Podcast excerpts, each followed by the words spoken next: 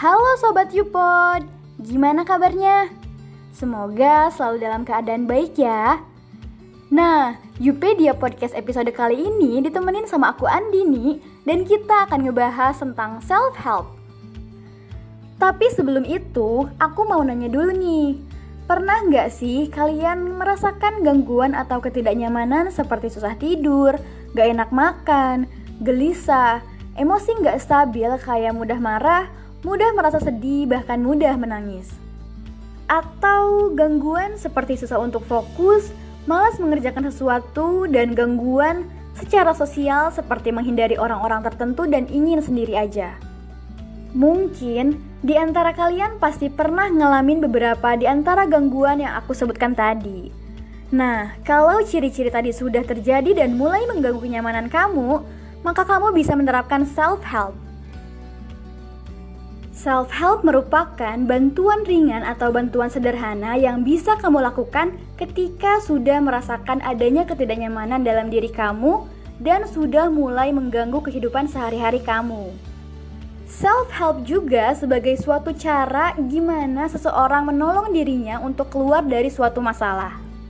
Self-help di sini lebih fokus untuk mengatur diri sendiri dan menghindari faktor pemicu gangguan atau ketidaknyamanan seperti yang aku sebutkan tadi. Lalu, apa aja sih kira-kira teknik self-help itu? Menurut dosen Fakultas Psikologi Universitas Pajajaran, Airin Triwahyuni, ada beberapa teknik self-help yang bisa kamu lakukan. Yuk, simak baik-baik ya Sobat Yupod agar bisa langsung kamu praktikan. Teknik yang pertama, tarik nafas dalam-dalam menggunakan teknik 474. Wah, apa tuh teknik 474? Teknik 474 artinya menarik nafas selama 4 hitungan, menahannya selama 7 hitungan, dan menghembuskannya dalam 4 hitungan. Teknik ini dianjurkan untuk dilakukan selama tiga kali aja nih Sobat Yupod. Jangan banyak-banyak, nanti pusing Sobat Yupod.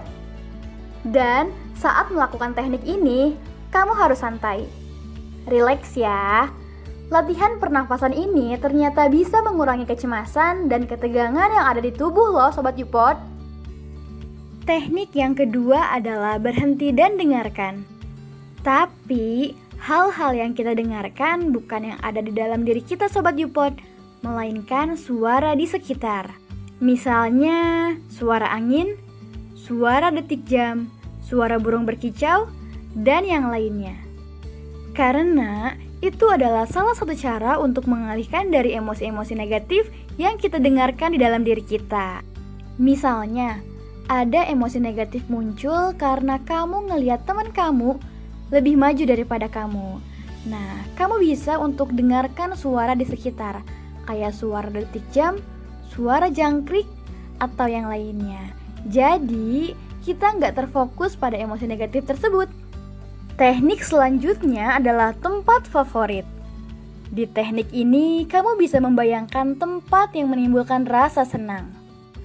Kalau aku sih ngebayangin alam yang hijau, di mana banyak pepohonan, daun-daun yang hijau, indah, udaranya sejuk, dan angin berhembus lembut dingin menyentuh tubuh. Aduh, seger banget Sobat Yupod. Kalau tempat favorit kamu apa? Coba deh kamu bayangin sambil tarik nafas supaya perasaan senang bisa masuk dan menggantikan perasaan yang tidak nyaman. Oke, kita ke teknik berikutnya. Teknik self-help yang bisa kamu lakukan adalah menulis akhir yang bahagia. Pasti sobat Yupot semua suka dengan akhir yang bahagia. Sama, aku juga. Tapi gak masalah kalau kamu menuliskan juga hal-hal yang terjadi hari ini baik yang buruk maupun yang bahagia. Karena menulis merupakan salah satu cara yang sederhana untuk melepas stres dan beban pikiran.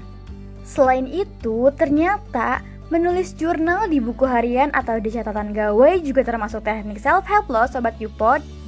Menurut studi dari University of Rochester, journaling bermanfaat untuk mengurangi stres, mengatasi depresi, dan mengontrol kecemasan. Dengan menulis jurnal, seseorang dapat mengekspresikan perasaannya sehingga ada pengalihan dan tidak fokus pada emosi negatif.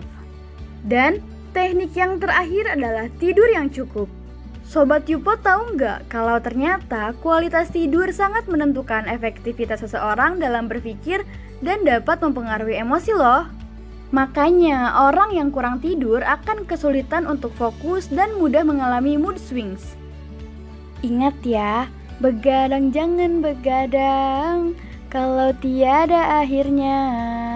Eh, kayak lagunya Roma Irama dong. Canda Roma Irama.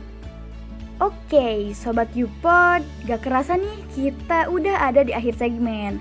Dan itu tadi beberapa teknik self-help yang bisa kamu lakukan untuk meminimalisasi gangguan-gangguan baik gangguan fisik, emosional, gangguan kognitif, maupun gangguan sosial.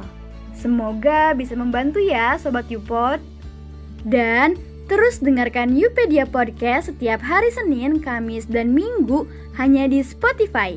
So, Sampai jumpa lagi bersama Andini di Upedia Podcast berikutnya. Bye!